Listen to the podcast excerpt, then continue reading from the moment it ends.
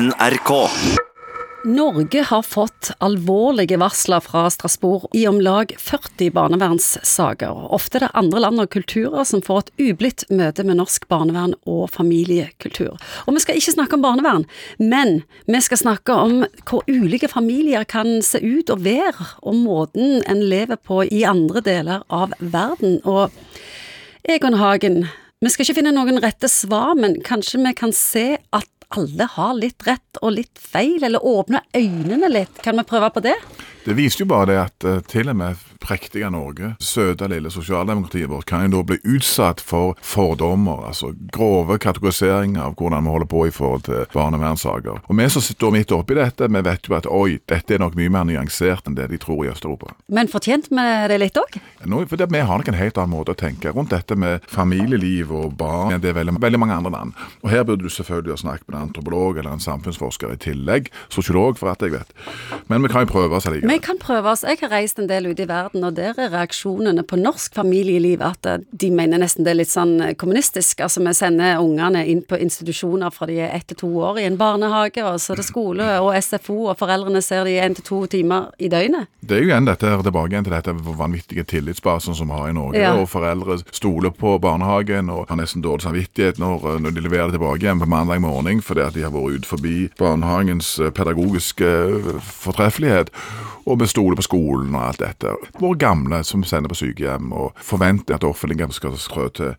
Altså, Vi har jo på en måte en annen måte å tenke rundt det med oppdragelse gjør, som handler sikkert om flat struktur og den Vi har masse regler i dette landet for hvordan en skal gjøre dette med familie og unger og leggetid. Nåde den som bryter det, eller tar ja. ungen med seg på byen en lørdag kveld. Det er sant. Også, og det skjer i andre deler av verden, helt naturlig. Hvor ungene sovner under bordet, og ja. foreldrene sitter og, og, snakker. Og i Norge ville det blitt sett på som problematisk. Ja.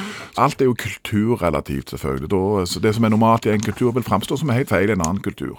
Barna står ganske høyt oppe i familiene. Jeg har sett mange sånne dørskilter, så står liksom ungene først, liksom, og så kommer foreldrene etterpå. Eh, og vi forhandler med ungene, vi kommanderer ikke, og vi slår ikke unger. Det er jo faktisk en del land hvor disse tingene er annerledes, hvor det er en annen kultur for det, eh, og andre måter å tenke hva er innafor måter å oppdra barn på.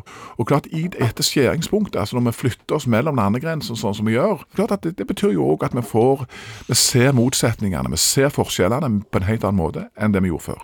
Tror du vi i Norge har vært eh, flinke nok til å se at andre familier lever annerledes enn oss, og foretrekker det? Eller at vi tenker at de gjør feil og vi gjør rett? Det er vel ganske sånn eh, Hvert land vil vi tenke at den måten som vi gjør på, er den, den rette måten. Men samtidig så er det jo sånn at uh, det blir jo vanskelig å sitte helt på ei isolert øy og tenke For vi har jo sett det, at det er mange måter å leve på, det er mange måter å spise på, det er mange måter å drikke på. Mange, vi, er forskjellige.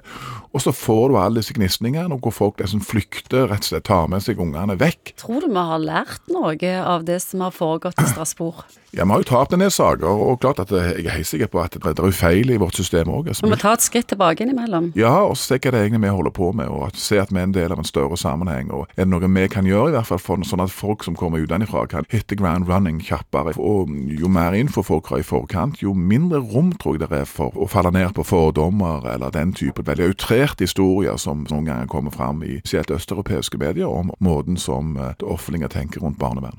NRK.